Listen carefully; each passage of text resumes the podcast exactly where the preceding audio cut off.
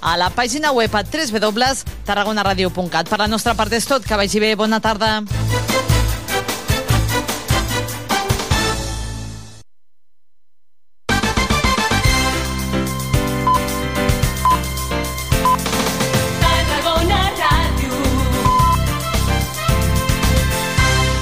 Moll de Costa, la Rambla de la Cultura a la vora del mar. Vine i passeja per l'eix de la cultura, del lleure i de l'esport al Port de Tarragona. Hi trobaràs museus, exposicions, teatre, activitats, espais per passejar i fer esport. Completa la teva visita amb un tas de la gastronomia marinera del Serrallo. Més informació a porttarragona.cat.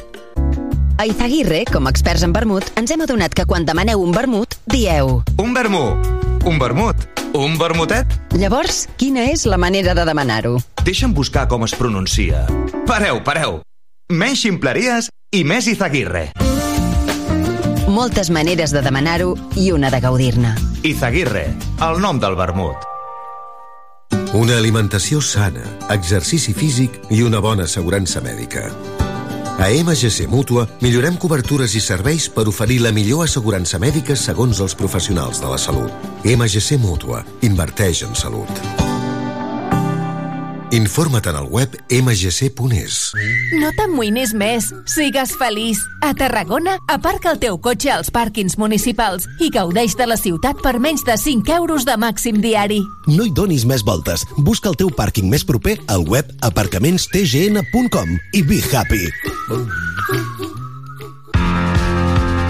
Hola, Marga. Hola, Miquel. Què estàs llegint? Doncs l'últim llibre de la Irene Solà.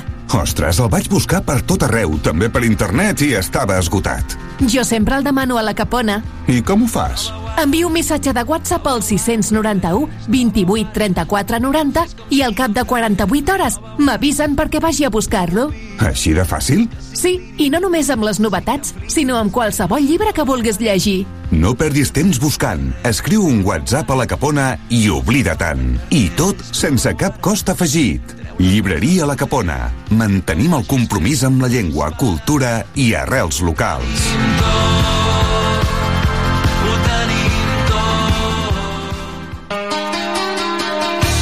queden molts mesos per veure on, on estaràs i això pues, avui l'has de gaudir i demà començar a treballar com hem, fi- com hem fet fins ara per, per anar a Lugo. Com diu Dani Vidal, la Lliga només ha fet que començar, que queda molt camí per endavant i que ara cal anar a Lugo amb la mateixa ambició de cada partit. Dissabte 30 de setembre a les 7 de la tarda viurem la sisena jornada de Lliga al grup primer de la primera federació des de l'estadi Anxo Carro de Lugo en el partit entre el Club Deportivo Lugo i el Nast. I com sempre, des de fa 31 temporades, t'ho explicarem tot des d'una hora abans a la sintonia de Tarragona Ràdio, el 96.7 i 101.0 d'FM, al web i a les aplicacions mòbils. Escolta, ens participa al Joc de la Porra, comenta el partit al Twitter del Sempre Nàstic i al WhatsApp de Tarragona Ràdio. 31a temporada del Sempre Nàstic, viu el futbol, viu el Nàstic i viu els gols. Tarragona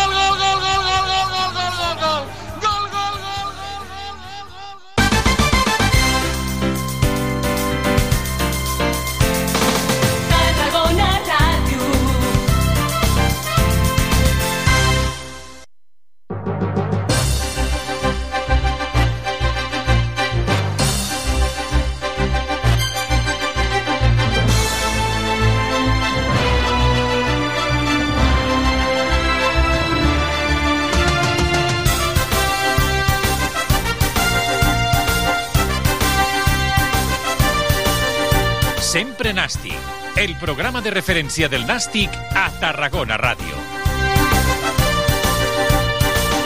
Hola, què tal? Bona tarda, com esteu? Benvinguts a una nova edició del Sempre Nàstic i a una nova temporada. Aquesta és la 31a ja del programa a l'antena de Tarragona Ràdio. Avui fem l'edició número 7.260 del Sempre Nàstic. Es diu aviat, eh? I avui és dilluns 25 de setembre del 2023. Avui és dia d'estrena del programa en aquesta nova temporada. La versió partits ja fa setmanes que la vam encetar, encara anàvem amb màniga curta. Bé, no és que hàgim deixat d'anar amb màniga curta, però feia bastanta més calor de la que fa ara. Van viure els partits amistosos del Nàstic i també des de fa cinc jornades els partits de Lliga. Però avui toca l'estrena del programa que arriba cada dilluns a les dues del migdia a l'antena de Tarragona Ràdio. Fa una mica de, amb retard respecte a altres temporades que ens hi posàvem abans, però bé, l'important és posar-s'hi i avui ens hi posem. Què voleu que us digui de l'equip que ens agrada, que està fent un bon futbol pràctic però sòlid, un equip ambiciós i amb compromís que no estalvien esforç i que en cinc jornades ha guanyat tres partits seguits, un aspecte que la temporada passada va ser incapaç de fer.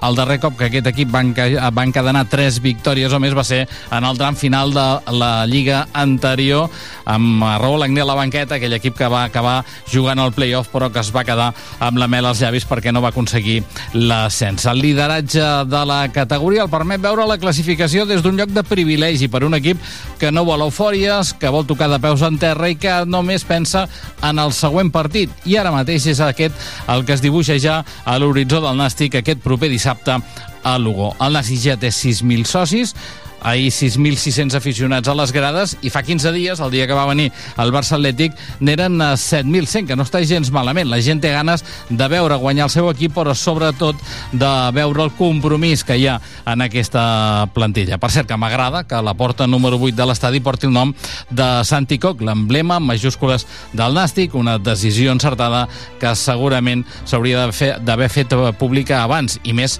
sapiguent-ho les parts. Ho sabia el propi Santi Coc i també ho sabia el Consell d'Administració de, del Nàstic. Un Santi Coc que fa una estoneta passava pel DGN Esports de Tarragona Ràdio i que ara de seguida recuperarem aquesta entrevista. Tot això en aquesta edició del Sempre Nàstic que fa possible tècnicament, bé, avui la fan a quatre mans, eh? el Joan Maria Bertran i la Sílvia Garcia, a quatre mans el control tècnic d'aquest eh, programa. Us parla Jordi Blanc. Comencem.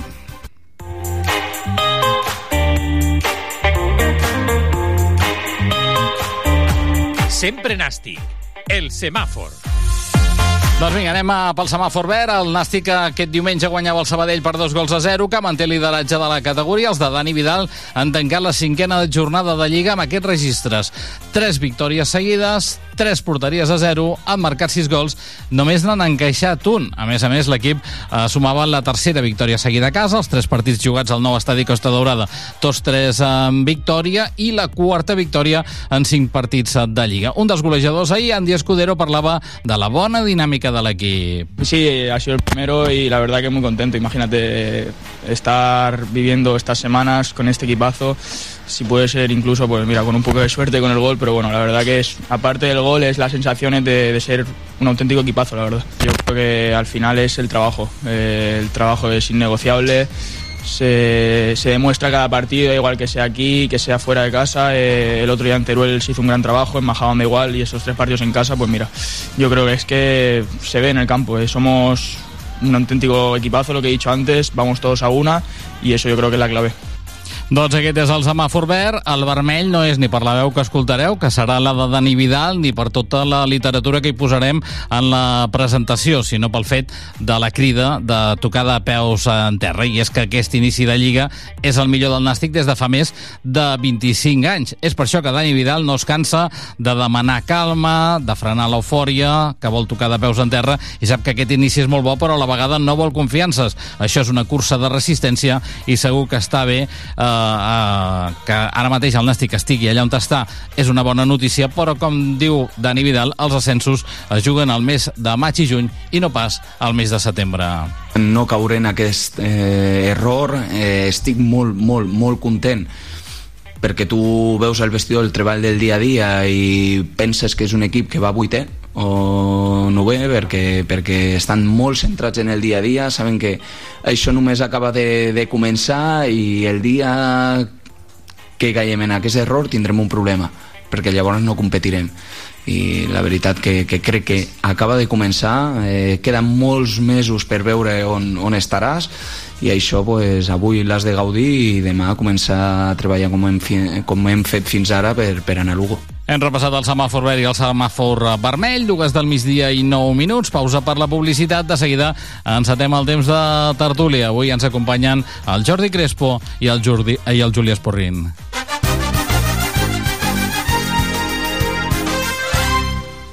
Moll de Costa, la Rambla de la Cultura a la vora del mar. Vine i passeja per l'eix de la cultura, del lleure i de l'esport al Port de Tarragona. Hi trobaràs museus, exposicions, teatre, activitats, espais per passejar i fer esport. Completa la teva visita amb un tas de la gastronomia marinera del Serrallo. Més informació a porttarragona.cat. A Izaguirre, com a experts en vermut, ens hem adonat que quan demaneu un vermut, dieu... Un vermú, un vermut, un vermutet. Llavors, quina és la manera de demanar-ho? Deixa'm buscar com es pronuncia. Pareu, pareu. Menys ximpleries i més Izaguirre. Moltes maneres de demanar-ho i una de gaudir-ne. Izaguirre, el nom del vermut. Una alimentació sana, exercici físic i una bona assegurança mèdica. A MGC Mútua millorem cobertures i serveis per oferir la millor assegurança mèdica segons els professionals de la salut. MGC Mútua. Inverteix en salut. Informa't en el web mgc.es. No t'amoïnis més. Sigues feliç. A Tarragona, aparca el teu cotxe als pàrquings municipals i gaudeix de la ciutat per menys de 5 euros de màxim diari. No hi donis més voltes. Busca el teu pàrquing més proper al web aparcamentstgn.com i be happy. Hola, Marga. Hola, Miquel. Què estàs llegint? Doncs l'últim llibre de la Irene Solà. Ostres, el vaig buscar per tot arreu, també per internet, i estava esgotat. Jo sempre el demano a la Capona. I com ho fas? Envio un missatge de WhatsApp al 691 28 34 90 i al cap de 48 hores m'avisen perquè vagi a buscar-lo. Així de fàcil? Sí, i no només amb les novetats, sinó amb qualsevol llibre que vulguis llegir. No perdis temps buscant. Escriu un WhatsApp a la Capona i oblida tant. I tot sense cap cost afegit. Llibreria La Capona. Mantenim el compromís amb la llengua, cultura i arrels locals.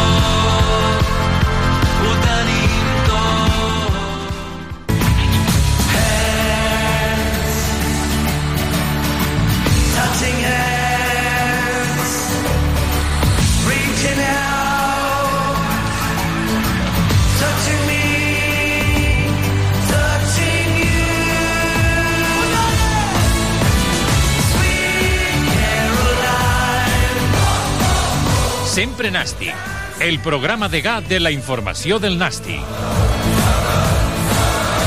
3 minuts, arribem al punt d'un quart de 3 de la tarda, temps ja de tertúlia. També anirem escoltant els protagonistes, eh, però d'entrada li donem la benvinguda al Juli Esporrin. Juli, què tal? Bona tarda. Molt bona tarda. I el Jordi Crespo. Jordi, bona tarda. Molt bona tarda. I ben trobats uh, tots dos de nou aquí al Sempre Nàstic. L'estiu bé o què? Estiu meravellós. Sobretot si vas, fas unes vacances que refresquen molt la ment Sí? i carreguen les piles. Molt bé, molt I de fet bé. jo me'n recordo de res de tot això ja, però bueno, ja ho tinc molt superat. Necessitaves això, relaxació per afrontar la temporada. El que passa que t'està donant aquesta, aquest inici de temporada, t'està donant menys mals de caps dels que habitualment et donava el Nàstic als inicis de temporada. Eh? Sí. Molt menys dels que podies preveure inicialment, és veritat. Què tal, Jordi? Bé? Bé, molt bé. L'estiu bé, sí? Sí, bé. sí? La calor suportable? Bueno, costa, però sóc més de fred, però bueno, però és el que diu el Juli, les vacances sempre són d'agrair. Bueno, eh, va, posem-nos a marxa en aquesta edició del Sempre Nàstic, així d'entrada, com és el primer Sempre Nàstic d'aquesta temporada, què us està semblant aquesta arrencada de Lliga? Us està sorprenent el Nàstic? Sí, sí, sí. I, i sempre comences amb aquella il·lusió i aquelles expectatives. M'està sorprenent eh, el rendiment i, i, i el joc, la manera de jugar. Però sí que és cert que els primers tastos de pretemporada que, que es van veure, si jo recordo molt el partit aquell que no era ni partit de pretemporada gairebé, que era així com partit eh, d'entrenament contra la Pobla, que ja vaig pensar, això és diferent la manera de jugar, la manera de col·locar, l'ordre de l'equip, ja et donaven sensacions molt diferents. És que inclús els jugadors et donen sensacions diferents, com comuniquen, com parlen, com es mostren. I, i jo ja tenir la sensació de, ostres, enguany ens ho passarem bé. I afortunadament, així com altres anys m'he fotut el ventallot a la quarta o cinquena jornada, doncs afortunadament, de moment enguany, tens aquesta sensació de... L'equip competeix i competeix molt bé. Després un dia entrarà a pilota, no entrarà, un dia estaràs més encertat o cometràs un error, però jo crec que aquest equip torna a ser que feia molts anys que no teníem un equip d'aquells fiables de competir, competiran i ho faran bé. A partir d'aquí ja veurem com, com va tot. Juli. A mi m'ha sorprès relativament, i m'explicaré. Home, no m'esperava en aquestes alçades anar primer. Això sí que està clar, i, i menys en solitari. si, si em punxa no em treuen sang això sí que costa, costa, de, costa de creure també s'ha de relativitzar i veure amb els rivals que has jugat val? Eh, però sense sortir del guió del que estàvem és cert que jo en la pretemporada vaig veure coses molt bones i molt diferents. I vaig veure un equip d'exigència de, de, d'exigència màxima en competitivitat, de pressió màxima al davant, de tancament d'un tancament molt fort darrere, de, de no encaixar i, i, un, i un centre del camp que sap el que juga i vaig començar a veure que hi havia coses molt diferents respecte dels altres anys. Em va sorprendre molt Borja positivament Montalvo no cal dir-ho que ja, ja el coneixem. Em va sorprendre la, la, la forma de- d'enfocar de, els partits d'una de, d'una pressió, d'una pressió. I jo vaig pensar, i un desgast brutal que molts dels jugadors no poden acabar la, segona, la, la, més que la primera part i la segona segurament necessiten refresc. I vaig veure una defensa fèrria, sòlida uh, un, un, realment un, un tancament brutal a Cali Cantó vaig veure unes, unes eines que les temporades anteriors no havia vist. Home, i, aquests, i, i si et donen aquestes si, si et donen aquestes, aquests engranatges home, d'entrada fa pensar que, que el que et pot venir és bo. Hauríem de baixar l'eufòria molt i dic molt perquè eh, també hauríem d'analitzar que hem jugat amb cinc rivals que tret del Barça B potser el Sabadell ahir un, un ratet. Potser no són els rivals que ens, eh, que ens tocaria mesurar-nos per saber on podem estar.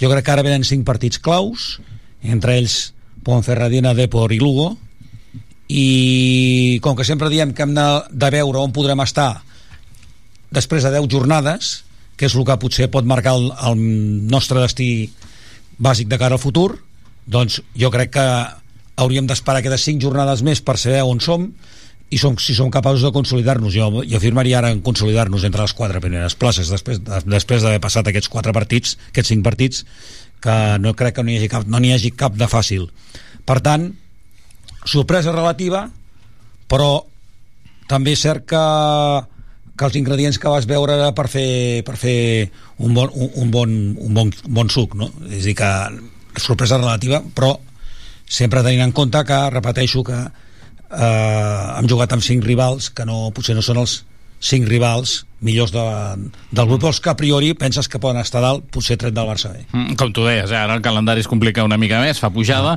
perquè a banda d'aquests tres equips, després eh, tens altres dos partits contra dos bons filials, almenys l'any passat van fer una bona temporada tots dos, Osasuna Promeses de Santi Castillejo i la Real Societat B de, de Sergio Francisco, i a més a més d'aquests cinc partits, tres són fora de casa, eh, i compta els escenaris, Anxo Carro per començar, després Riazor amb el Deportivo La Corunya i l'últim partit d'aquests cinc fora de casa és davant de d'Osasuna Promeses, on l'any passat ens van pintar la cara. Jo crec que va ser el lloc on més ens van pintar la cara la, la, temporada, la temporada passada. Eh, veurem, no? S'haurà de Sí, sí, mesurar. està Sí, sí, que és veritat que no, no s'ha fet res i que queda molta, És molta lliga per la, davant. hem, de, hem de tenir molt clar que estem on estem i no deixa de ser una anècdota ara mateix Mm. Eh, però bé, això ja se n'encarrega Dani Vidal, eh? roda de premsa rere roda de premsa d'intentar baixar un, un pèl a aquesta, a, a aquesta eufòria. Per què creieu que ha canviat tant aquest nàstic de l'any passat amb aquest nàstic? Eh, si són els fitxatges, si és Dani Vidal... Perquè bé, Dani Vidal aquest matí ho repassàvem a la tertúlia. Eh, la temporada passada el tram que ell ja es fa càrrec de l'equip va acabar amb una mitjana molt propera, molt propera a fer playoff tot i els condicionats d'aquella plantilla de l'any passat que no va acabar de respondre i d'allà d'on venia, no? perquè ja Dani Vidal es va posar a la banqueta i era el tercer entrenador d'aquella temporada probablement és una mica tot evidentment en Dani Vidal té la seva part i, i a mi m'està agradant molt com està gestionant l'equip i, i com l'està dirigint Tu esperaves? Mm, tant no o sigui, potser m'esperava la solidesa aquestes ganes de, de controlar el partit ja sigui contenint o anant-lo a buscar que, que s'ha de treballar bé per fer les dues coses. I crec que per exemple el dia del Barça aquí ho vam poder veure fa una primera part més de control més de contenir, no sé què, i després va a buscar el partit i en els dos guions l'equip sap què ha de fer i es desenvolupa bé. Mm, sí que en el de solidesa defensiva sí que més o menys ho, ho esperava. Tal i com està jugant l'equip que ara endavant en les transicions ofensives no, a mi m'ha sorprès i m'ha sorprès molt. O sigui jo puc dir que m'ho he passat més bé aquesta temporada en el que portem que les quatre anteriors ja, i, ostres, és molt, és que has vist partits que dius, bueno, ostres estem jugant, no? I ens ho estem passant bé i l'equip va i, i, és, i crec que ho diu Valdos al principi, és que és un equip que dona la cara sempre, i apreten i pressionen. I a més a més la sensació que també era un, un dèficit, jo crec, dels altres anys jo veig l'equip millor físicament que qualsevol dels rivals contra els que hem jugat però mo- molt millor. Ja veurem després els pics de, de rendiment, que això ho controlen els preparadors físics, que però, evidentment així no ho podrem estar tota la temporada i en algun moment baixarem, però vaja llavors, sí, sí que m'ha sorprès molt l'aspecte ofensiu A mi el Dani Vidal m'ha sorprès relativament, eh? Del... Tinc referències de, de futbol base i, i no deixa de ser una mica el patró d'ell, eh? Patró de tancament d'un tancament molt fort, de rebre molts pocs gols i rentabilitzar els que fas. I anar pels partits.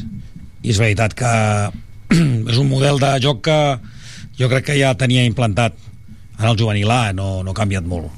Eh, m'ha sorprès relativament perquè penses, home, aquest model implantar-lo un equip professional de primera ref no és fàcil no, no és fàcil a, a tenor dels rivals, dels rivals que tens no? Uh, sí que estava convençut que no que rebrien pocs gols amb aquest sistema de Dani Vidal i sí que també, sobretot m'ha- m'ha- el que sí més m'ha sorprès és l'ambició d'aquest equip. O sigui, aquest equip és ambiciona tot. O sigui, rep un gol i va pel, va per l'empat. I, rep, i, va, i empata i va a buscar el segon. I sí, després, per exemple recordo a Maja la Onda que vam tenir 5 minuts finals complicats un partit que ja podíem anar però 1 a 4 ningú li hagués uh, ningú hagués pogut dir res, res de dolent o, de, o ningú hagués pogut rebatre que haguéssim anat 1 a 4 en aquell moment i sí que els últims 10 minuts o el camp del Terol que, que el, després del 0-1 pues, tens tendència a tancar-te però això és lo lògic que ha de fer un equip no? i reps dos, dos eh, contres complicades no? és a dir uh, hi ha moments que ho passarem malament és que els altres també juguen. Però sincerament jo amb el que va de 5 partits he vist pocs, pocs, poques estones que ho he passat malament. Potser ahir va haver 20 minuts de, de certa indecisió als, de defensiva jo més crec que és més pro- propiciada per un aspecte de sortides ràpides al Sabadell però els altres partits és que ni jo ni amb el Barça bé vaig patir la veritat, sí que és veritat que tots, tots pensàvem marxar amb el 0-0 i, i molt contents eh? perquè el que vam veure va ser un gol que ens van que ens va treure l'àrbitre legal i per tant el resultat va ser més que just però ahir mateix doncs potser sí que la primera part va, va ser de jugada de tu a tu i les ocasions més clares van ser per part d'ells que per no part de les, nost dels nostres no? però potser ha sigut l'únic partit que he vist algun dubte a la primera part i això m'ha dit que també ahir a la primera part ens en podíem anar a l'estidor amb algun gol a favor, eh? que hi va haver un penalti claríssim des, sí. sí. des del punt de vista és a dir que, en general sorprès però molt, insisteixo, d'una forma relativa coneixent, a, coneixent el, el Dani Tu vas veure penal també, Jordi? Sí. Sí, eh? Clar. Per mi sí. sí. No, i per la imatge de televisió també sembla que el penal és claríssim llibre, per per, un àrbitre que, bé, va, després va fer un acte, no sé si ho puc llegir Sí. l'acte, eh, un pèl estranya. Sí. Un pèl estranya, tot i que jo crec que el Nàstic, tal i com l'ha redactat, ja li acaba d'interessar bé, mm. també, eh? perquè realment no, no nota bé el que, el que passa. Diu que salta un seguidor que, que li dona un cop al recull pilotes, el seguidor salta, li dona un cop a un jugador del Sabadell i el del recull pilotes passa un minut i escaig després eh? és una jugada diferent en la que qui li dona el cop al recull pilotes és el porter del, del Sabadell i ell ho acaba resumint tot amunt bé, bé, doncs bueno, no sé ja ho, ho donem per bo, eh? ho donem per bo però, però bé, no hem tingut eh, a veure, és filar prim, eh, si vas a mirar però no hem tingut els dos millors arbitratges a casa en els dos darrers partits eh? No, gens ni mica. Un- uns han anul·lat un gol claríssim per mala col·locació del, del, Línier. del Línier que està com a dos metres endavant mm. d'on passa la jugada i per tant és difícil que pugui eh, encertar i l'altre el, el penal, el penal d'ahir claríssim i a més a més eh, amb certa tensió tota l'estona cap a Pablo Fernández Sí, sí, sí, sí. que al final va ser el que va acabar pagant jo, una jo mica la els jugada del córner no trencats, l'entenc és a dir si vas, es- ensenya estan els allí, dos ensenya els Ah, dos sí. però espera a que treguin el córner per pitar per, per pitar-li falta és dir, se- sembla que busquis que treguin la pilota per pillar falta. Escolta'm, i si hi ha una jugada de... Si la, la pilota si està aturada, tinc entès que el reglament permet pitar falta o pitar penal o pitar el que sigui, però doncs té que, no sé, va ser una mica de un, un arbitratge bastant civil la primera part, la segona part es va normalitzar perquè del Perquè jo crec, jo crec que a la mitja part, del gol... a la mitja part ell veu la jugada, Home, no? pues- Perquè pues- pues normalment possiblement. els acostumen a mirar i per tant... Eh, I tens la sort de marcar molt ràpid, Sí, que això sí. doncs ajuda a que el rival ba- baixi la intensitat i tu li puguis, puguis portar el partit a lo que tu vols jugar, està clar. Eh, us agrada com s'ha confeccionat aquesta aquesta plantilla, algú us està cridant més l'atenció, l'aposta per, uh, per gent de la casa, l'aposta per gent jove, no? com, com Jaume, Jaume Jardí, els jugadors, bé, segurament, no, no sé, eh? no sé si potser tenim menys nom, però tenim menys, més fam. No sé si resumir-ho així, eh? perquè mm, vull dir, clar, hi ha jugadors que dius, bueno, segurament quan van sortir vas dir, i aquest on jugava? Mm, allò que tu vas mirant tot una mica i en canvi sí que demostren aquesta fam, aquest compromís, no? aquesta rauxa. A mi m'agrada molt com està composat. A lo millor d'aquí dos mesos vinc i et dic, saps allò que vaig dir? però Bueno, que- queda tot Ja, enregistrat ja, per eh? això, Vull per això t'ho dic. problema. Si no, no t'ho diria, però com que queda gravat... Exacte. Però m'agrada molt. I és curiós, perquè al final no estem obtenint el rendiment que volíem amb un entrenador de la casa i amb un secretari tècnic, teòricament, que ja teníem. Amb la qual no? Ostres, si ho haguéssim fet abans sí. que potser no hagués funcionat. El que passa que ha estat, a, a, fins i tot l'estiu ha estat atípic, no? Mhm. Ha estat atípic perquè d'entrada, de, tot i això jo crec que hi ha una feina que es fa anterior, no? abans de fitxar, Mhm. Que és que en les darreres temporades el Nàstic s'havia eh, havia deixat de fer aquells contractes que feia de dos, tres temporades per fer-ne d'un, per tant vol dir que a final de temporada això et permet fer neteja sense tenir Sense. que indemnitzar ningú. Que després jo crec que l'únic jugador que tu no volies i que et podia portar problemes te'l treus de sobre molt aviat Aaron Rey, no cal Mhm. eh, Sí, sí, sí. descobrir Amèrica per saber que era, que era Aaron Rey i que després un cop passa això i no renoves els que acabaven contracte per, pel que sigui, eh? i altres segurament que no volen renovar ells amb tu, el que sigui només te queden dos jugadors que no et suposen cap problema perquè són dos bons xiquets i que te'ls acabaràs traient de sobre un és Lupo i l'altre és Pol, Pol Ballesteros i en canvi tu comences a fer moviments bé, hi ha jugadors, ostres, és que ara no em voldria equivocar, però jo crec que Unai Dufour és el primer que s'anuncia, Sí. o dels primers que s'anuncia, Sí, sí, i s'anuncia abans de que s'acabi Sí. el mes de juny, eh? s'acaba pràcticament la temporada. I pràcticament, Va, oficialment, si, si, si, si recordeu una mica, tots els noms que van anar sortint van acabar arribant, i per tant no hi va haver massa allò, especulacions de si aquest, si l'altre, no? Eh, a més a més, Dani Vidal té a l'inici de la pretemporada, el primer dia els té a tots menys a Jaume Jardí, que però que Jaume Jardí ja estava a Tarragona i estava Sí. veient entrenaments i fins i tot estava, m'han dit, entrenant pel seu compte, però de seguida també s'acaba incorporant. I l'últim que s'incorpora, l'últim dia de mercat és Iker Recio, però bé, que no seria, diguem-ne, allò que dius, ostres, a la llarga pot ser un jugador important, però ara mateix eh, no ho era, i per tant això a Dani Vidal li ha donat la, jo diria que la gran satisfacció que pot tenir un entrenador que és fer una pretemporada amb els jugadors amb els que comptaràs, i no fer una pretemporada amb jugadors que saps que l'últim dia de et marxaran i te'n vindran d'altres que no, que no han fet la pretemporada amb tu. Home, això és molt important. I, i jo vaig flipar, eh? O sigui, jo quan vam començar la pretemporada amb la plantilla gairebé tancada al 90%, no? Faltaven dos jugadors tant d'entrades com de sortides, vaig pensar, ostres, i s'ha fet molta feina, sembla que ben feta i a més a més molt aviat. Clar, tens una sensació de dir que ens està passant el nàstic, no? Que estem fent les coses bé ara. Llavors, bueno, doncs ja es veuen els resultats.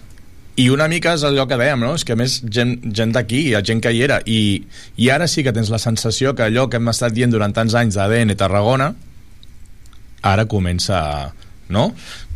Tonteries anecdòtiques com les jugades Sant Magí, Santa Tecla, Sant Icoc. Ah, tot, això, parlarem d'això, tot això t'acaba imbuint Sí. mm, sentiment de pertinença, compromís de col·lectiu i jo crec que l'equip és, és un mirall clar de tot això. És que primer que hi ha gent d'aquí que sap, ara sí que tens la sensació de "Ostres, aquests tios representen el meu escut. Però a banda també que ho han transmès i tens la sensació d'equip de dir "Vinga, vinga, són els nostres, aquests són els nostres. Sí, um, jo crec que tampoc es, es, evidentment eh, hi ha un sentiment d'identificació amb molts dels jugadors perquè són, són de la casa o almenys ja han passat per la casa. I ha estat a futbol base. Aquest any ha tornat l'Òscar Sanz que... Alberto Baro. Alberto Varo. Que hi va fumar un partidàs. un partidàs. l'Albert, el Sant ahir el van canviar però per exemple el Terol va fer un partidàs monumental. Sí. Jo crec que ahir la targeta el condiciona. el condiciona una mica. Uh, és un jugador que m'agrada té un perfil molt semblant al de Montalvo saps, veus jugadors que s'identifiquen amb el teu club i amb, el, i amb el teu ADN però a mi el que em- m'ha sorprès més de tot és que s'ha fitxat tota una defensa nova que això no era fàcil perquè s'ha apostat per centrals nous concretament tres i, i dels tres que n'hi havia l'any passat no en queda cap Mhm. Val? Tres, que, tres dels quals jo diria que dos eren uns puntals importants no? Uh, I un d'ells no juga. Un d'ells no juga, per exemple Per qüestions de que Sí. es va lesionar en pretemporada i per tant li han guanyat la partida, de moment. de moment. exacte. és a dir que, home m'ha sorprès molt la defensa que s'ha fitxat i l'implicació que està portant no? o sigui, s'ha portat un central de molt, de molt de nivell, de molta categoria que és el que jugava amb el Amb la cultura amb el leonesa, Pablo Leonesa, Trigueros, que venia del Deportivo La Coruña, també, amb S'ha un bon recorregut, eh? A Nacho no sé l'han tret però aquest Del Mérida, no, no? el coneixia Del del Mérida, Mérida, del però no, no, aquest Sí, és un descobriment No, no, del- sí, sí, és un del- descobriment, del, sí, sí. del Sergi Sí, sí. un 10 per ell i, i tens un I Dufour, Dufour, que va ser la gran és- sensació la que és temporada que, passada. que ens va fotre un partidàs a Tarragona monumental que no passava ni Déu per allí i dic, jo pensava que serà un, un titular seguríssim Que a vegades critiquem coses del Nàstic, però ara podries criticar Osasuna dient, a veure, Sí, sí, Unai sí. Dufour, si pel primer equip no val i pel filial s'ha quedat ja, diguem-ne que li ha quedat Li a desmà, queda home, el normal és que el renovis, que el cedeixis a un segona i que continuïs amb la seva evolució, no? Diria que això és el més sensat a tot arreu. No, fins i tot a, jo sé que a Pamplona parlaven de que era un central amb possibilitats de- de- de- d'incorporar-se al primer equip. I el tenim a la banqueta, su- surrealista. Vull dir que això ha estat dient prova del nivell prova del nivell que tenim. Òbviament Dufour jugarà segur perquè qualsevol dia d'aqu- d'aquests dos centrals es, es, es farà mal, mal un d'ells o prendrà mal un o, o, prendrà, o tindrem targetes o el que sigui. O sigui, que jo crec que els tres estan destinats a ser tres que es vagin complementant i vagin circulant. Bueno, i dit això tenim una plantilla molt equilibrada, que és el que molts anys no hem tingut. Uh, faltava aquell cervell que, que sempre fa anys que busquem. Crec que Borja està complint uh, sobradament amb les expectatives, però és que quan no hi ha Borja, pues, pues veritablement els que, els que surten ho estan fent molt, molt, molt bé, amb una implicació A Borja li falta, jo crec que li falta encara acabar-se de, no? de coblar bé a l'equip i de que els companys també el vagin entenent, Sí. perquè ell va fer un parell de conduccions que ara portaria Sí, sí. contrària que veies els jugadors del Sabadell com dient "Uf, a veure què passarà aquí que ve-". al final les jugades no van acabar amb massa cosa no? però eh, en el moment en què et trenca la primera línia de pressió clar, l'altre equip una- pateja no? Se li veu molta qualitat. i a dalt molta gent I a eh? dalt, ostres, a dalt anem sobrats de- d'efectius ahir algú a, a fora de necessitem un davant de centre, ostres i dic, ostres, no sé si no sé, no sé lo posarem home, sí, clar, a mi m'agradaria- a tenir a, a, al, noruec, no? O sigui, a Haaland, no? Però està clar, no? O sigui, no, no, no hi arribarem, no? O sigui, jo crec que Gorka Santavaria està fent una bona feina i bons crec- minuts, quan bons va minuts, sortint quan bons surt. minuts Jo crec l'altre que dia Terol potser va ser el dia tant, que va però- ser una mica però, més fos no? Però lluita molt, obre molts espais, de, de Pablo, que cal dir, no puc dir res, res que no sapiguem, la sorpresa de... La sorpresa de... David Concha? David Concha, man, un, és un, és un Quan tros- estigui és un al tros- 100%. Aquest tio, és un, aquest tio és un d'altre nivell de jugador, és un altre nivell de jugador. Jaume Jardí Jaume també. Jardí és la gran sorpresa de la temporada uh, un jugador que per cert el teníem, el teníem mig fitxat pel això m'ho van dir, que el teníem mig fitxat pel divisió d'honor i el dia que andàvem a fitxar el va trucar al Barça o sigui, el dia que el fitxàvem el tocava al Barça i és un jugador que, que evidentment té un, té un perfil però que m'ha sorprès molt perquè realment no solament hi va, sinó que té una qualitat increïble no? el gol que va fer ahir no solament és de Murri, sinó de, de, de qualitat màxima, perquè eh, deixa sentat, eh, li pren la, la pilota al defensa, en, eh, que veu que el porter i el defensa no, no hi sembla que no hi vagi ningú dels dos, ves i tu i vaig jo, i, i acaba sentant el porter, és dir que té una qualitat monumental. Llavors, home, la, hi ha hòsties per jugar, per jugar al davant, no? Clar, és que penseu tot el que hem dit. És que hem No, fitxat, és que hem ens fitxat han molt deixat bé. a Mario Rodríguez, que Clar. quan ha sortit jo crec que sempre Mario ho ha fet, fet bé. molt, molt bé, també. Ahir va sortir Marc Álvarez, que encara no havia debutat I aquesta va fer, lliga. i va fer de jo crec que ho va fer molt bé, Home, també. Va, va provocar la targeta Dani vermella. Vidal sí que té aquestes coses. Li va donar més minuts a Pochettino, que ja li havia donat en un altre partit, i ara accepta Iker Recio i ha jugat tothom. I Quasi dius, ostres, només estem a la cinquena jornada És i han jugat tots I l'equip està a dalt, perquè quan l'equip està baix, això normalment ja passa, no? Els entrenadors busquen alternatives i tal, però que, que jo crec que, bé, que Dani també Això el que vol tenir és contenta i enxufada tota la plantilla. Això eh? de dosifi- de dosificar i anar donant eh, el, pel tipus de joc que, que tenim és, a més a més és necessari no? han d'estar tots enxufats perquè el ritme de joc que es, que, que es porta és molt, molt, molt, molt bèstia no? molt. Bueno, doncs uh, veurem, veurem, eh? perquè queda molt per, uh, per davant, però bé, la, la gent s'ho està passant bé.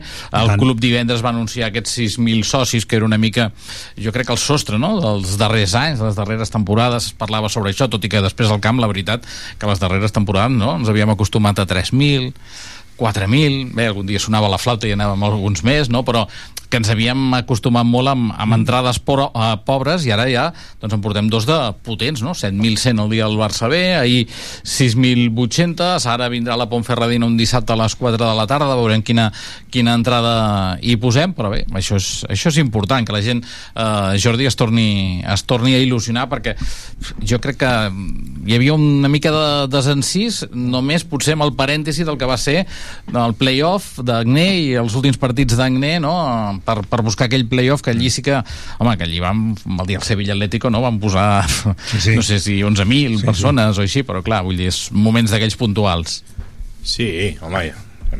portem molts anys de desencís. I sobretot que t'identifiques altra vegada amb el teu és que club, és això. eh? No, i, i sí que hi va haver aquell ruix final que ens vam enganxar tots per resultats, però aquella temporada també va tenir moments durs. I ara, bueno, clar, és que ara hem començat molt bé, llavors evidentment que segurament vindran moments més, més complicats, però vaja, l'equip està enganxant a la gent i això és molt important. I jo més que el número de socis, que aquí tots tots podem fer les nostres trampes, que si pares de jugadors de la base, no sé què, no sé quantos, que és el que fa la diferència entre l'entrada i això, ostres, són molt importants les entrades que portem, clar, 7.000 i 6.000 per a aquesta categoria és una barbaritat. Després hi ha clubs com el Depor i això, però el nivell que estem és una barbaritat i jo crec que això sí que marca realment eh, que l'equip té enganxada a la ciutat i, i, i que duri, i que duri. hi ha una dada molt, molt, molt sorprenent, molt bona. Som l'equip dels 40 equips de segona B que ha rebut menys gols. I això és, és una dada estratosfèrica ara mateix.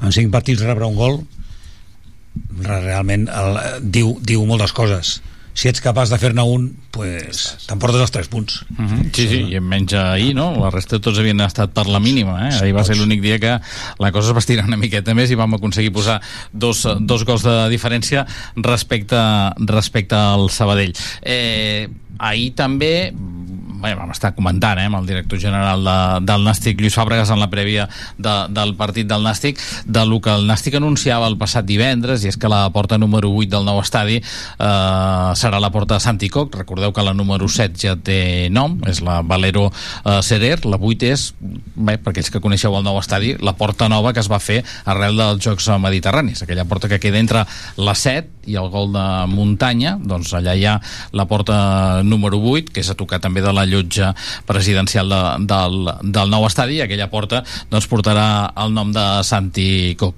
iniciativa més que, més que merescuda, que ha estat una mica en silenci, perquè ara escoltarem el que ens deia Santi Coc fa una estona. Eh, ell ho sabia des del mes de maig, ahir també el Consell d'Administració, en aquest cas Lluís Fàbregas va dir que de- s'havia decidit en, en reunió del Consell el mes, el mes eh, de maig. Bé, està bé, no? Vull dir... Fa Merescut. temps que li van posar la porta 7 a Valero Serrer, a Valero Serrer, perdó, i doncs Merescut. més que merescut, eh? Més- Més, el més que jugador que, merescut. més vegades ha vestit la samarreta del que Nàstic, eh? Sí, un acte de justícia, no? Un acte de justícia. Vull dir, jo crec que que el Santi s'ho mereixia i que ha arribat tard però ha arribat i que quan les coses arriben ja només cal doncs celebrar-les i és el tema, és bueno, el que hem, hem coincidit tots, que és un tema just i jo crec que és un reconeixement més que, més que guanyat, no? més que mere- merescut. Doncs bé, escoltem el que fa una estona li explicava el mateix antico que el Joan Andreu Pérez, el TGN Esports. Això és el que... les reflexions que ens feia Santi Coc. Bueno, jo eh, això ja ho sabia des de fer tres mesos i mig, quan vaig mantenir una reunió amb el seu director general, eh, Lluís Fàbregas, i em va dir que el club, eh, el club per part del Consell d'Administració, pues, bueno, havia pensat a fer-me aquest homenatge. Jo estic molt content de que el club hagi pensat en mi per fer aquest homenatge i agraït als de Maria Andreu i el seu Consell d'Administració. Es fa justícia perquè estem davant de, i això no es pot negar, del futbolista que ha jugat més partits amb la samarreta de Nàstic. Bueno, jo no crec que sigui fer justícia o no fer justícia.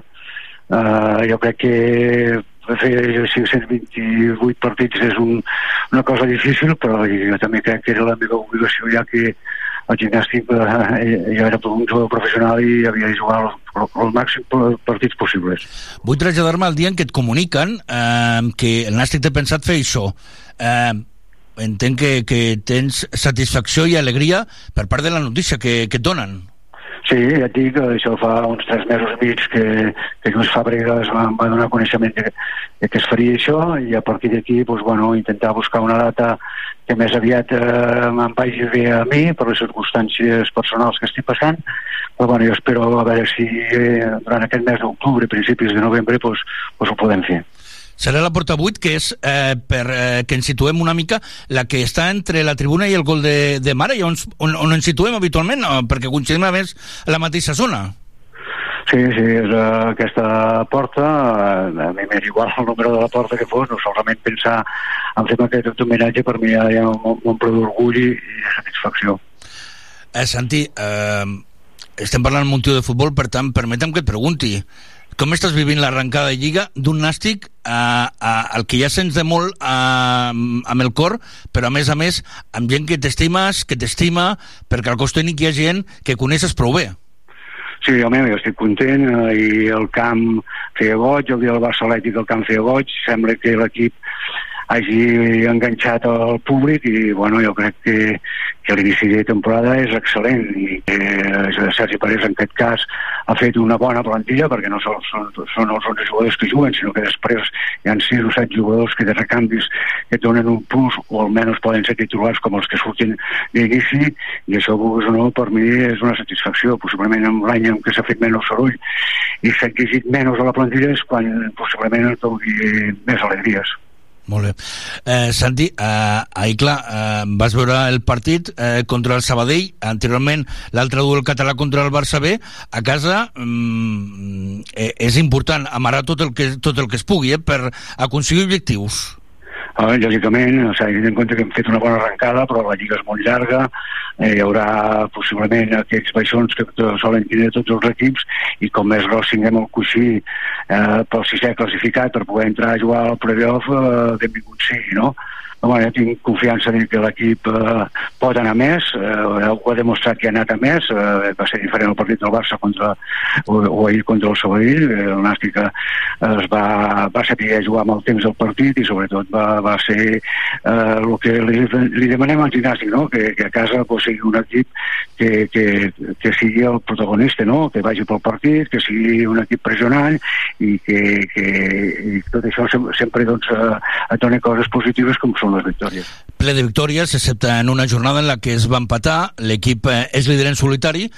Pregunta friki, eh, t'has mirat eh, alguna vegada, moltes, cap, la classificació eh, eh, per la posició en la que ens trobem, la de primers classificats de la, Cop de la primera federació? Bueno, eh, com he dit abans, eh, a mi em fa content que l'equip sigui primer, no? I, i és primer per, perquè s'ho mereix, no? Perquè els, que- els que guanyar quatre partits i empatant un, un de sol eh, és una fita important i difícil de fer amb aquest futbol que, que, els, eh, que les categories, sobretot els equips, es- estan molt igualats. Doncs això és el que ens explicava Santi Coc avui al TGN Esports. Ens n'alegrem molt d'aquesta iniciativa del club i estarem pendents doncs, per això, el dia que s'inauguri aquesta porta número 8, porta Santi Coc. Ja ho hem parlat amb el Jordi i amb el Juli. Encetem aquesta recta final de la tertúlia del Sempre Nàstic per parlar una mica de les... Eh, bé, de, el partit a Lugo, com preveieu el partit d'aquest proper dissabte, un Lugo que bé, està pagant com gairebé tots els equips que baixen de categoria una mica la novetada de la nova categoria, eh? Només ha guanyat un partit, va ser en la primera jornada que va jugar l'any Xocarro i a partir d'allí no, no ha tornat a guanyar i ara crec que ve de tres, una derrota i tres empats. O sigui que vol dir que només ha sumat tres dels darrers 12 punts. Sí, però serà un partit difícil. Entre altres, primer perquè aquests equips sí que és cert que sempre noten el canvi de categoria i l'acusen i es costa adaptar, però el Nàstic és un rival d'aquests que, que t'ho fa fàcil. Vull dir que sempre motiva jugar contra el Nàstic en aquesta categoria. És un dels equips referencials, amb la qual ja no, no pot fer la mandra que potser fan altres partits quan baixes de categoria i a més a més juguen a casa i, i, i és un gran rival abans ho deia el Juli, no? venen partits que, que et serviran de test per veure realment com estàs davant dels equips importants de la categoria jo crec que serà un partit complicat, que serà un partit difícil, però amb la tranquil·litat aquella de que l'equip sortirà al camp a, a competir-lo correctament i llavors doncs mm, sense por, com si diguéssim, no? sense el neguit aquell d'altres anys de uf, i ara a més a més hem d'anar allà a l'Ancho Car mm. no, doncs pues, vinga, anem a jugar-lo amb ganes És un camp, amb que, ganes. ah, un camp que, a més a més, eh, sempre ens ha fet una mica de mandra, eh? perquè tampoc no hi hem tret mai eh, molt, molt bons resultats, sí que ne vam No, treure guanyar un, un un, de sí, un bo, sí, eh? un sí. Vam treure un- vam guanyar un de molt bo. Sí, sí, home, un de molt bo, el que ens portava camí de segona, de, bé, a punt de pujar a primera divisió, no? però que al final no va, no va acabar sent així, aquell va ser, aquell va ser molt bo, però bé, després també han destituït amb algun entrenador, eh? sense Sí, anar sí. més lluny a José Antonio Gordillo Exacte. també, després d'aquell partit o sigui que eh, és això, no? vull dir que és, és un camp al que hi hem anat algunes vegades però que, bé, no sé, sempre Bueno, el Lugo té, molt, té l'obligació de guanyar, no pot esperar més. Aquells equips que baixen, a més a més, en aquestes primes de, de descens, doncs tenen una, mm, jo crec que una sobrepressió. Això ens, va, ens ha passat a nosaltres, els hi, estava, els hi ha passat a tots. Uh, tenen la, tenim la costum, tots els equips que baixem de categoria, amb, amb aquest ajut de la federació, d'anar a buscar el millor d'aquí, el millor d'allà, el millor d'allà, i això no, verdaderament penso que, que has de, de fer un pensament o sigui, has de tenir-ho molt clar eh? has de fer una reflexió molt clara respecte a aquest tipus de jugador que al millor ve amb expectatives de, de, de, de, de, de més categoria no? Uh, el qual implica i això l'experiència t'ho demostra molts dels equips que baixen després els hi costa inclús classificar-se per jugar al playoff això vol dir que moltes coses vol dir una d'elles que és que, que aquesta categoria és molt difícil que no, qualsevol jugador no es, pot, no és fàcil que s'hi adapti que està tot molt igualat i que i que has de valorar molts aspectes molts a l'hora de fitxar un jugador.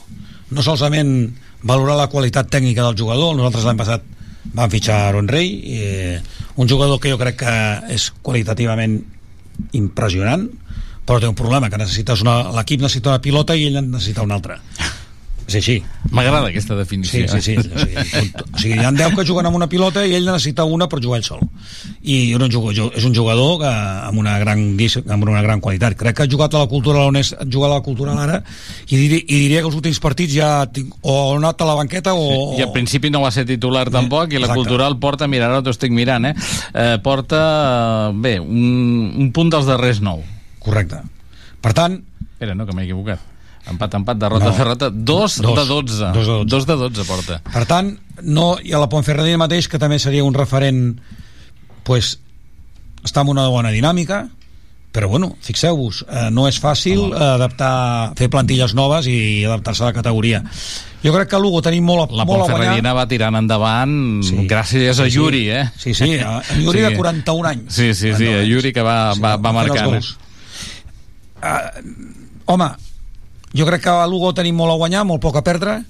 Uh, si empatem és un, result- seria un bon resultat i si guanyem pues, ja és festa major no? però és el que li diu però aquí la, la, la pressió la té el Lugo i això és una eina que ens pot ajudar Mm. ens, pot, ens pot anar bé Bueno, doncs veurem què passa. Això serà dissabte que ve a partir de les 7 de la tarda. Com sempre, els del Sempre Nàstic hi serem ja des d'una hora abans, a partir de les 6 de la tarda, eh, per explicar tot el que passi en aquest partit. Eh? Estem parlant ja de la sisena jornada de, de Lliga, a l'Anxo Carro, aquest partit entre el Club Deportivo Lugo i el Nàstic. Veurem si d'aquí allà, jo crec que sí, que recuperarà plenament a Montalvo, que ja estava pràcticament recuperat i gairebé hi va haver un moment que semblava que anava a sortir quan Gorostidi semblava que s'havia lesionat, al final no, no ho va fer i més enllà d'això jo crec que la resta estan tots més o menys bé. Per tant vol dir que també és una bona notícia que Dani Vidal tingui pràcticament a tota la seva plantilla a disposició a l'inrevés de la temporada passada que a inicis de temporada teníem molts jugadors lesionats que, que els veníem arrossegant des de, des de la pretemporada Jordi Crespo, Juli Esporrin, que ha estat un ple. Que vagi molt bé, senyors. Fins la propera. Igualment, Faré igualment, un ple, el ple és meu. Estem tancant aquesta edició del Sempre Nàstic, la primera versió programa de la temporada. Ho fem, com sempre, amb el eh, resum sonor de la victòria del Nàstic. El Nàstic que guanyava aquest eh, diumenge per dos gols a zero al Centre d'Esports Sabadell per posar punt i final a la Festa Major de Tarragona. Que vagi bé, bona tarda. La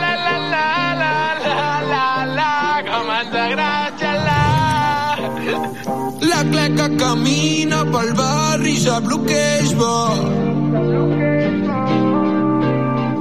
Camina tranquil·la, sap per què vacila, no té por.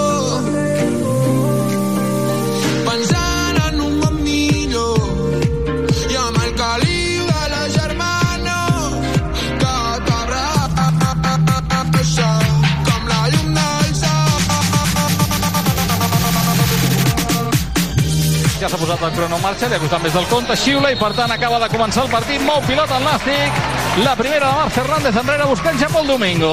Monroy canvia la pilota amunt perquè hi vagi Cristian Herrera, ulla Cristian Herrera que pot arribar amb la pilota controlada cap dins l'àrea, llançament, Alberto Baro corna. El llançament de Cristian Herrera que li ha guanyat la partida Pol Domingo, ha posat a prova Alberto Baro per enviar la pilota fora. Aquest eh, servei de cantonada posa la pilota, el cop de cap, Baró! L'ha tornat a tenir Pau Resta. Déu-n'hi-do, ara sí que la pilota li va bé, la treu bé Pablo Monroy. Jo crec que Resta li estan deixant masses facilitats a la rematada. Ho ha fet bé aquí Pau Resta. Molt bé Alberto Baro, sota pals, atrapant aquesta pilota al terra. David Concha, la posen amunt perquè vagi Pablo, molt bé Marc, que no ha volgut participar a la jugada perquè venia al fora de joc, i arriba el de Candàs, ara sí que la deix per Marc, a la frontal el llançament de Marc, fora, uh, l'ha tocat un jugador, pilota corna, l'ha tocat un defensor, pilota corna, aplaudeix Dani Vidal. I ara la pilota que va per l'altra banda, la posa el Sabadell, ulla aquesta pilota dins l'àrea, llançament, fora. Uf, Marcos Baselga acaba de tenir la més clara del Sabadell en tot el partit perquè se'n va bé dels defensors i xuta la pilota que surt llapant el pal dret de la porteria d'Alberto Baro. L'acaba de tenir el jugador cedit pel Saragossa, el davanter Marcos Baselga. Pilota per a Joan Oriol. Joan Oriol que vol marxar al seu marcador, se'n va amb la pilota, posa la centrada al segon pal. Penal, penal, això és penal, home. Això és penal, això és penal, això és penal. És un penal claríssim de lliure. Doncs s'acaba de menjar un penal claríssim de lliure, eh? És que a més a més, és que a més a més el jugador del Nàstic eh, té, té clarament que va rematar la pilota, té guanyat la posició. Vull Crits de fora fora al nou estadi. Adam, que s'està girant feina, eh? I ara, Jordi, surt la, la del córner, que Pablo i el jugador... Pepe, que s'ha acabat la primera meitat. Crits en contra de l'àrbitre. Va cap allà el delegat del Nàstic a evitar que els jugadors del Nàstic es compliquin la vida. Ara protestant, fan marxar tots els jugadors i per tant els jugadors que se'n van camí de vestidor al final d'aquesta primera meitat ara el cap de seguretat del Nàstic Jordi Ruiz li diu alguna cosa jo al crec que li porter està dient que no calenti la gent. Exacte. Jo crec que li està dient que no calenti perquè ell a més a més és el responsable de seguretat del club Si ell, si ell és el capità... Mira, jo crec que ha passat alguna amb el, amb el porter perquè ara es va disculpar el recull pilotes, eh? O sigui, deu haver passat alguna amb Adrià Hortolà i ara se'n va disculpar amb el recull pilotes del Nàstic, que lògicament se'n va plorant acompanyat dels serveis sanitaris del Nàstic. La xiulada grossa se l'han portat Muresan, Muresan, però també se la porta Adrià Hortolà. Jo crec que igual tenia la pilota, havia de prendre la pilota ràpid per aixecar algun El cop, sigui, alguna sí, cosa sí. així. Eh? També hi va aquí en la, pressió, en la eh, pressió Pol Domingo davant Juanmi Carrión. Ulla Jaume Jardí que està pressionant aquí la sortida de pilota. Arriba Jaume Jardí amb la pilota controlada. El llançament de Jaume Jardí. Gol, gol, gol,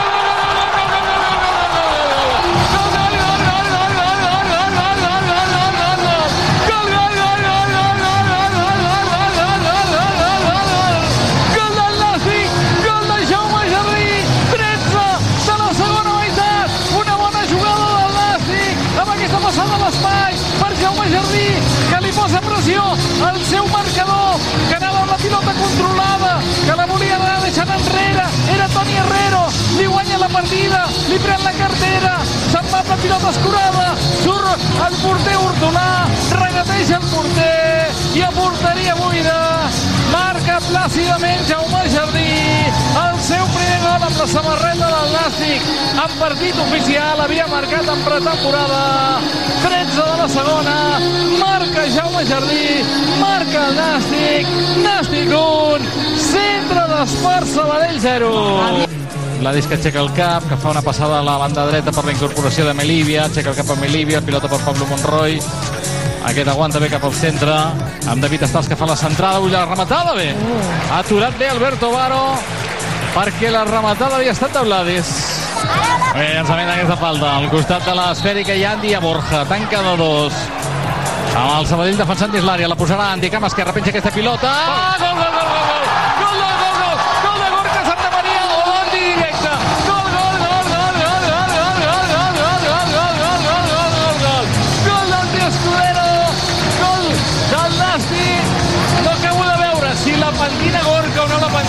jo crec que va directe d'Andy Escudero.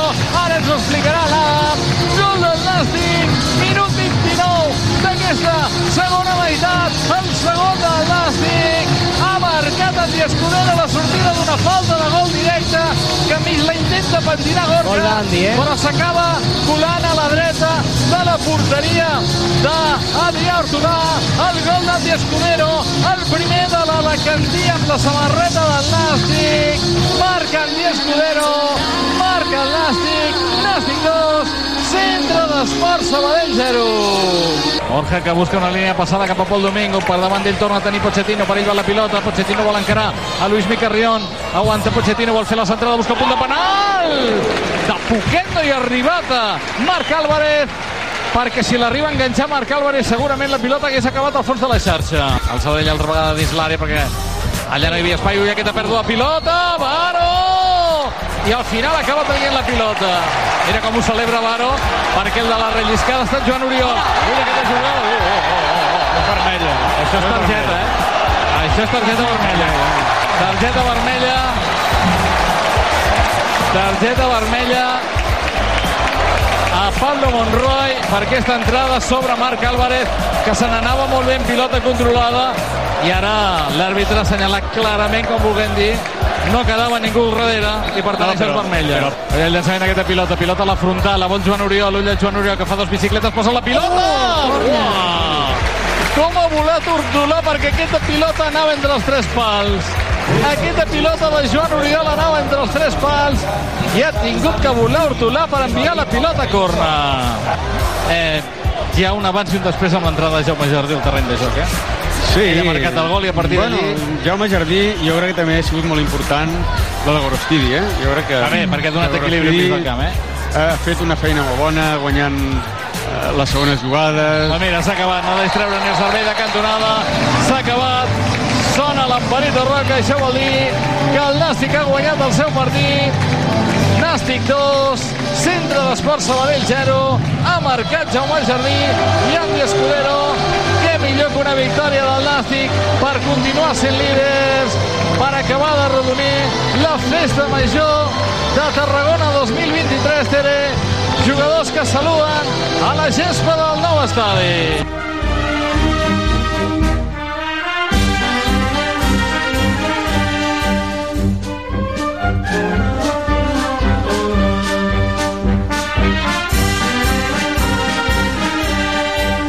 Sempre nàstic.